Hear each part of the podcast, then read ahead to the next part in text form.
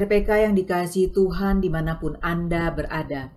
Shalom Beshem Yesua Hamasiah, salam sejahtera dalam nama Yesua Hamasiah, dalam nama Tuhan Yesus Kristus, Juru Selamat kita.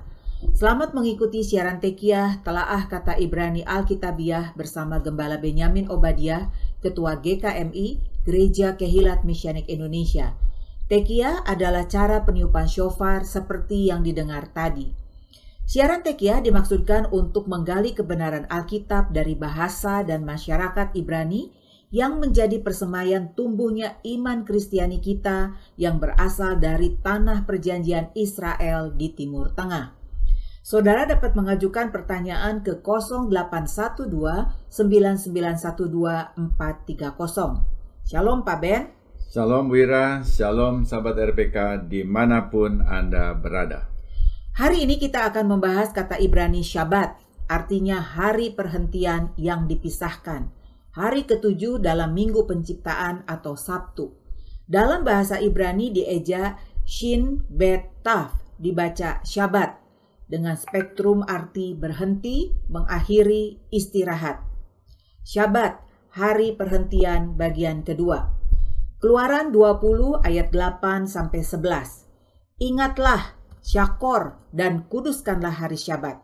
Enam hari lamanya engkau akan bekerja dan melakukan segala pekerjaanmu. Tetapi hari ketujuh adalah hari syabat Adonai Elohimu. Maka jangan melakukan sesuatu pekerjaan, engkau atau anakmu laki-laki atau anakmu perempuan, atau hambamu laki-laki atau hambamu perempuan, atau hewanmu atau orang asing, ger, yang diam di tempat kediamanmu Sebab enam hari lamanya Adonai menjadikan langit dan bumi, laut dan segala isinya, dan ia berhenti pada hari ketujuh. Itulah sebabnya Tuhan memberkati hari Syabat dan menguduskannya. Inilah perintah keempat dalam Asara Hadefarot, sepuluh firman atau Ten Commandments yang diperintahkan kepada umat Israel untuk mengingat sakor akan hari Sabat. Asar Hadevarot yang dikenal bangsa-bangsa sebagai sepuluh perintah Tuhan bukan hanya untuk Israel tetapi berlaku universal. Dalam perintah ini Tuhan mengaitkan Syabat hari ketujuh dengan penciptaan. Mengingat Syabat berarti mengingat bahwa Tuhan adalah pencipta langit dan bumi dan ia mengakhirinya dengan satu hari perhentian yang disebut Syabat. Ada hal yang menarik dalam perintah ini Ternyata Tuhan tidak hanya memerintahkan syabat kepada bangsa Israel saja, tetapi juga kepada orang asing, Ger, yang secara historis adalah orang non-Yahudi yang ikut keluar bersama orang Israel dari Mesir. Ini mengindikasikan bahwa ingatan akan hari Sabat juga diperuntukkan bagi bangsa-bangsa. Pelibatan orang non-Yahudi pada pelaksanaan Sabat juga tertulis dalam kitab Ulangan 5 ayat 14 ini mengindikasikan bahwa sekalipun sabat diperintahkan kepada Yahudi sebagai tanda perjanjian Sinai, bangsa-bangsa non-Yahudi pun terbuka dan disambut untuk turut serta di dalamnya. Perintah syabat diulangi lagi dalam kitab Ulangan 5 ayat 12 sampai 15. Apakah ada bedanya sehingga harus diulangi dalam kitab Ulangan? Ada bedanya. Mari kita baca Ulangan 5 ayat 12. Pelihara, syamor, dan kuduskanlah hari Syabat, seperti yang diperintahkan kepadamu oleh Adonai Elohimu. Perhatikan pada keluaran 20 ayat 8 Ibrani, Sakor et Yom HaSyabat Lekatso, ingat dan kuduskanlah hari Sabat, sementara dalam ulangan 5 ayat 12, Syamor et Yom HaSyabat Lekatso, pelihara dan kuduskanlah hari Sabat. Bedanya, pada keluaran memakai kata sakor, ingatlah, sementara ulangan memakai kata syamor, peliharalah. Kalau begitu, mana yang dipakai? Kedua-duanya dipakai. Kita perlu mengingat untuk merencanakannya pada Jumat pagi dan memelihara dengan melakukannya pada Jumat petang. Adakah perbedaan lainnya? Ada tertulis dalam ulangan 5 ayat 15. Sebab haruslah kau ingat bahwa engkau pun dahulu budak di Mesir, dan engkau dibawa keluar dari sana oleh Adonai Elohimu dengan tangan yang kuat dan dengan lengan yang teracung. Itulah sebabnya Adonai Elohimmu memerintahkan engkau merayakan hari Syabat. Dalam ayat ini Tuhan mengaitkan Syabat dengan perbudakan di Mesir. Umat Israel diperbudak dengan bekerja tujuh hari dalam seminggu tanpa istirahat. Sesudah Eksodus keluar dari Mesir, Israel menjadi bangsa merdeka. Dalam situasi merdeka itulah Adonai Elohim memberi perintah sabat untuk diingat dan dipelihara oleh Israel mereka menjadi orang merdeka, dapat menikmati kebebasan dengan bekerja enam hari dan libur pada hari ketujuh. Di sini kita bisa melihat bahwa Tuhan sudah membuat pola perhentian, istirahat bagi manusia pada pekan penciptaan, bekerja enam hari dan berhenti pada hari ketujuh yaitu Syabat. Dalam hal perhentian, bahkan dapat dikaitkan dengan perhentian bagi orang yang letih dan lesu dalam kehidupan, dengan datang kepada Yesua untuk mendapatkan perhentian secara rohani di dalam dia. Matius 11 ayat 28. Lengkap ya, simbolismenya sampai pada perhentian rohani dalam Yesua. Perintah-perintah Tuhan diberikan untuk memberkati umatnya. Apa berkat dari perintah syabat bagi umatnya? Ya, ini penting diketahui oleh umat bangsa-bangsa. Ada beberapa berkat syabat. Pertama, mari kita baca Keluaran 16 ayat 29. Perhatikanlah, Adonai telah memberikan syabat itu kepadamu. Itulah sebabnya pada hari keenam ia memberikan kepadamu roti untuk dua hari. Tinggallah kamu di tempatmu masing-masing. Seorang pun tidak boleh keluar dari tempatnya pada hari ketujuh itu. Israel berjalan di padang gurun selama 40 tahun. Tidak mungkin makan dari hasil tanaman. Tuhan memberi Israel makan mana, makanan rasa madu berbentuk butir-butir putih seperti tumbar. Tiap hari mana turun dari langit dan orang Israel tinggal menadahkan tangan. Ayat ini menjelaskan bahwa ketika hari sabat maka Tuhan memberkati Israel dua kali lipat, double blessing pada hari ke-6. Sehingga pada hari ketujuh mereka tidak perlu lagi keluar mencari mana. Dan memang Tuhan tidak menurunkan mana pada hari sabat mereka sudah mendapat mana yang cukup untuk keperluan hari Sabat karena mereka sudah mendapatkan berkat ganda. Ini berkat Sabat. Karena Tuhan yang memerintah, maka ia juga memfasilitasi agar perintahnya dapat dijalankan. Dahsyat bukan? Luar biasa Tuhan kita. Ini menunjukkan bahwa yang memerintah itu raja yang berkuasa. Double blessing itu diwujudkan dalam jamuan Erev Syabat dengan roti halah Roti biasa yang dikepang sehingga mengesankan ada dua roti yang terjalin menjadi satu. Eh, berkat yang kedua, bukan hanya berkat pemeliharaan jasmani, tetapi juga janji kemenangan atas hambatan dalam kehidupan. Seperti yang tertulis di dalam Yesaya 58 ayat 13 dan 14.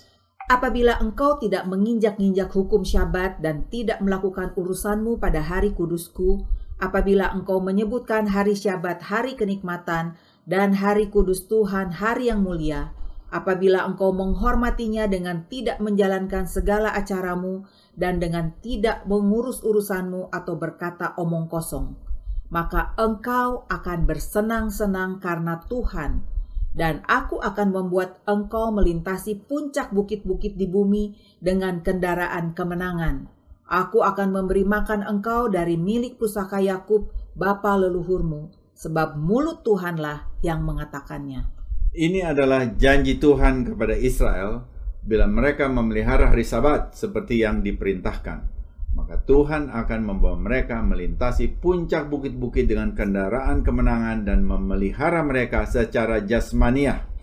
Sejarah dunia membuktikan bahwa ini terjadi umat Yahudi mendapatkan tekanan politis dan diskriminasi yang sangat berat di dalam sejarah.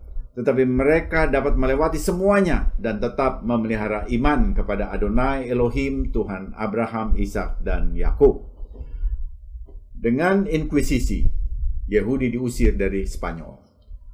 Melalui program disingkirkan dari Rusia. Dengan Holocaust, mereka hendak digenosida agar musnah Sinagoga, tempat ibadah mereka dibakar. Tetapi tetap saja iman mereka terpelihara sampai sekarang. Mengapa? Karena sabat. Karena basis sabat bukan di sinagoga tetapi di rumah tangga masing-masing keluarga. Setiap keluarga Yahudi utamanya merayakan jamuan sabat Jumat petang di rumah, bukan di sinagoga. Sehingga biarpun sinagoga dibakar, ibadah dalam jamuan sabat tetap berjalan seperti biasa di rumah masing-masing, tidak terpengaruh. Ini rahasianya. Karena itu orang Yahudi mengatakan, bukan kami yang memelihara sabat, tetapi sabat yang memegang kami. Ini benar. Janji Tuhan dalam Yesaya 58 ayat 14 terbukti digenapi kepada umat yang mau menghargai perintah Tuhan, yaitu perintah sabat. Tentu janji Tuhan ini perlu kita pegang. Namun, di dalam kitab Perjanjian Baru ada beberapa peristiwa yang dipandang seakan-akan para rasul Yesua Hamasiah lebih mengarahkan kegiatan ibadah kelompok ke hari pertama yaitu Minggu. Misalnya dalam kisah Rasul 20 ayat 7. Pada hari pertama dalam minggu itu ketika kami berkumpul untuk memecah-mecahkan roti, Paulus berbicara dengan saudara-saudara di situ karena ia bermaksud untuk berangkat pada keesokan harinya. Pembicaraan itu berlangsung sampai tengah malam. Bagaimana penjelasannya? Ayat ini sesungguhnya sangat Jewish karena itu perlu dijelaskan dari aspek budaya, yaitu dari tatanan Syabat di lingkungan umat Yahudi. Pertama, Memecah roti di sini adalah makan bersama dengan pengucapan syukur dan sama sekali bukan perjamuan kudus atau ekaristi. Banyak pembaca Alkitab abad 21 tergelincir di sini. Kalau mereka melakukan pertemuan di minggu pagi, maka pertemuan mereka sungguh ekstra panjang, lebih dari 12 jam, karena Paulus berbicara sampai tengah malam. Naskah Yunani Kisah Rasul tidak mendukung pertemuan itu terjadi pada hari Minggu pagi. Tidak ada kata hemera atau hari dalam kisah Rasul 20 ayat 7 Yunani. Yang tertulis miaho sabaton, yaitu pada permulaan minggu. Bagaimana perhitungan permulaan minggu? Ini perlu memahami budaya Yahudi dalam memelihara sabat. Rasul Paulus adalah rabi Farisi yang percaya Yesua sebagai Mesias Israel yang dijanjikan. Sebelum ia datang ke Troas, ia baru saja melakukan hari raya Yahudi yang disebut roti tidak beragi, hak hamatsah, yang diselenggarakan selama tujuh hari, kisah Rasul 20 ayat 6. Menurut budaya Yahudi sesuai Torah, hari baru dimulai dari matahari terbenam. Jadi hari pertama minggu itu dimulai dari Sabtu jam 6 petang ketika matahari terbenam. Kemungkinannya Pertemuan itu dilakukan sesudah acara penutupan hari Sabat yang disebut Hafdalah, artinya pemisahan. Pemisahan hari Sabat dari hari lainnya. Bahwa pertemuan itu dilakukan petang hari dapat dilihat pada ayat berikutnya yang menyatakan di ruang atas tempat mereka berkumpul dinyalakan banyak lampu, kisah 20 ayat 8. Penyalaan banyak lampu ini menunjukkan bahwa komunitas ini sedang menyelenggarakan jamuan khusus sesudah usai sabat yang disebut Melafeh Malkah, mengantar sang ratu. Sesudah sabat ditutup, maka hitungan harinya sudah termasuk hari pertama minggu itu, walaupun itu masih hari Sabtu malam. Jamuan makan Melafeh Malkah dimaksudkan sebagai perpisahan dengan hari sabat yang diantar bagaikan ratu untuk disambut lagi pada hari Jumat mendatang. Melafeh Malkah juga berkaitan dengan harapan akan kedatangan Mesias. Tradisi Yahudi mengatakan bahwa Mesias tidak akan datang pada hari Sabat. Harapannya, ia datang sesudah Sabat usai. Karena itu, dalam uh, acara Habdalah dinyanyikan lagu Eliyahu Hanafi sebagai harapan akan datangnya Nabi Elia yang menjadi pembuka jalan bagi Mesias. Dengan rangkaian acara penutupan sabat yang panjang ini, Rabi Shaul Paulus berbicara sampai tengah malam karena keesokan harinya ia akan melanjutkan perjalanannya. Jelas sudah. Dengan mengetahui acara Melafeh Malka sesudah penutupan syabat yang dipelihara umat Yahudi, kita dapat memahami bahwa para murid Yesua bersama Syaul Paulus berkumpul pada hari Sabtu malam sesudah Syabat yang sudah terhitung permulaan minggu itu. Kembali kepada pekerjaan yang boleh dilakukan pada hari Syabat. Bagaimana bila pada hari Syabat ada seorang yang perlu ditolong? Bagaimana sikap kita? Pertanyaan ini membawa kita pada Matius 11 ayat 11 dan 12. Tetapi Yesua berkata kepada mereka, "Jika seorang dari antara kamu mempunyai seekor domba dan domba itu terjatuh ke dalam lubang pada hari Syabat, tidakkah ia akan menangkapnya dan mengeluarkannya?" Bukankah manusia jauh lebih berharga daripada domba? Karena itu, boleh berbuat baik pada hari Syabat. Ketika ditanya, apakah boleh menyembuhkan orang yang lumpuh sebelah tangannya, Yesus menjawab dengan pertanyaan, apakah bila domba mereka jatuh ke sumur tidak diangkat untuk dikeluarkan? Mengangkat hewan pada hari Sabat masuk kategori mengangkat beban pada hari Sabat, dan ini dipahami sebagai satu pelanggaran. Masab Eseni yang menghasilkan dokumen Damaskus, uh, Dead Sea Scroll, melarang untuk mengangkat hewan yang terperosok ke lubang pada hari Syabat.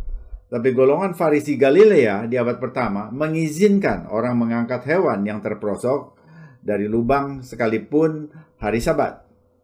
Salah satu dokumen yang dapat membantu kita meneropong pemikiran di lingkungan Yahudi adalah Talmud. Mari kita lihat traktat Sabat dalam Talmud Babilonia. Rabi Yehuda berkata atas nama Rab, "Jika seekor binatang jatuh ke dalam lubang, seseorang dapat membawa bantal dan selimut untuk diletakkan di bawah binatang itu, dan jika ia memanjat keluar, ia memanjat keluar." Pendapat lain menolak. Jika seekor binatang jatuh ke dalam lubang, dapat dibekali ransum untuknya di dalam lubang itu agar tetap hidup. Mencegah penderitaan hewan adalah hukum Alkitabiah. Hukum Alkitabiah datang jelas dan menggantikan otoritas para rabi. Bafli Syabat 128b. Jelas, Talmud mencatat bahwa mencegah penderitaan hewan adalah hukum Alkitabiah. Dalam hubungan ini, Yesus Sang Mesias berkata, Bukankah manusia jauh lebih berharga daripada domba? Karena itu boleh berbuat baik pada hari Syabat. Ketika Yesus mengatakan ini, ia memakai argumen rabinik yang disebut kol fahomer, yaitu perbandingan yang ringan ke yang berat. Kalau domba saja harus dicegah penderitaannya, apalagi manusia yang adalah bayangan dari Tuhan. Karena itu boleh berbuat baik pada hari Syabat. Jelas, Yesua junjungan kita dan juga para rabi lainnya memandang hukum sabat itu dalam konteks pemeliharaan kehidupan pro kehidupan. Untuk mempertahankan kehidupan, aturan sabat dapat dilanggar. Semangat ini disebut pikuah nefes, menyelamatkan kehidupan yang didasarkan pada perintah Torah dalam Imamat 19 ayat 16. Janganlah engkau mengancam hidup sesamamu manusia, akulah Adonai. Kata mengancam dalam terjemahan LAI berasal dari lo takmot, tidak membela. Sehingga kita dapat membaca, janganlah engkau tidak membela. Lo tahmot hidup sesamamu manusia, akulah Tuhan.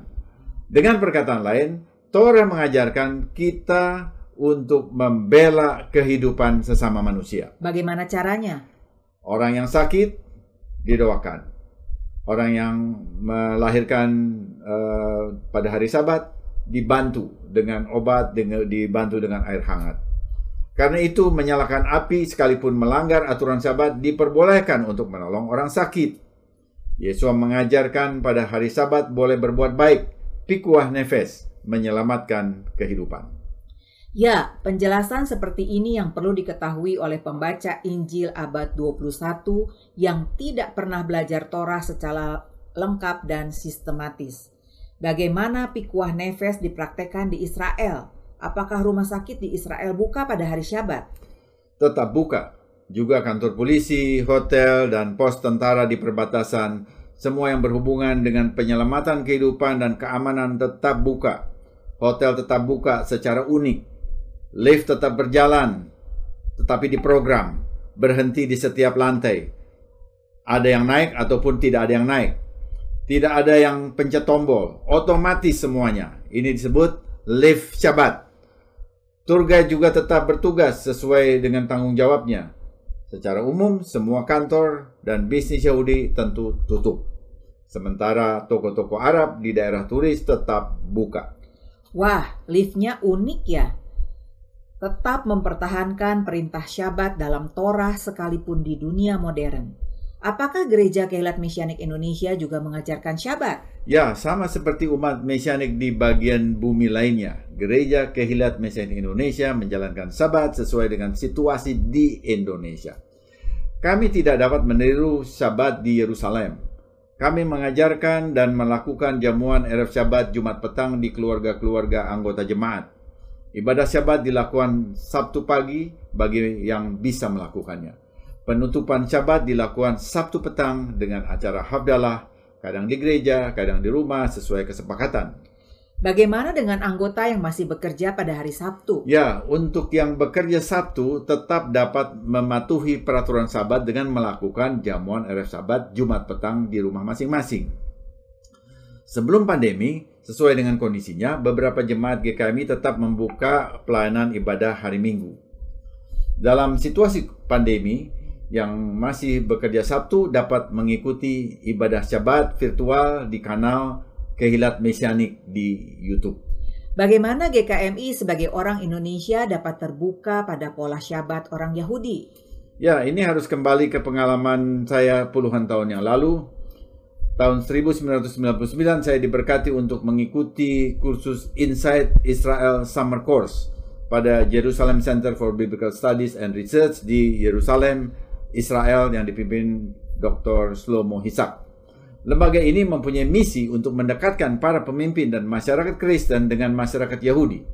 Kuliah diberikan oleh para rabi uh, konservatif dan profesor Swedish Theological Seminary di Yerusalem. Di lembaga inilah saya sebagai gembala jemaat Kristen pertama kali dalam hidup saya merayakan jamuan Erev Syabat dan beribadah Syabat di sinagoga dalam bahasa Ibrani dan Inggris. Di sini saya langsung jatuh cinta dengan nilai-nilai keluarga yang kental dalam tradisi sabat yang kaya yang berasal dari Imam Esra yang dilakukan juga oleh Yesua Hamasya. Nilai kepemimpinan rohani suami sebagai kepala keluarga, peran istri yang mendukung persiapan jamuan yang rapih, pujian dan penghargaan suami kepada istrinya dengan membacakan Amsal 31 dan harapan istri terhadap sang suami dengan membacakan Mazmur 112 dan lainnya. Ini nilai-nilai keluarga yang luar biasa dalam Syabat. Ayah didorong berperan sebagai imam yang memberkati anak-anaknya dengan berkat imamat sesuai dengan perintah Adonai Elohim. Yang kalau di gereja ini hanya diucapkan oleh pendeta. Anak-anak diajari sikap melayani. Jamuan makan malam diusahakan yang terbaik dan diakhiri dengan pujian dan ucapan syukur. Ini dilakukan setiap Jumat petang dipimpin oleh sang ayah kepala keluarga.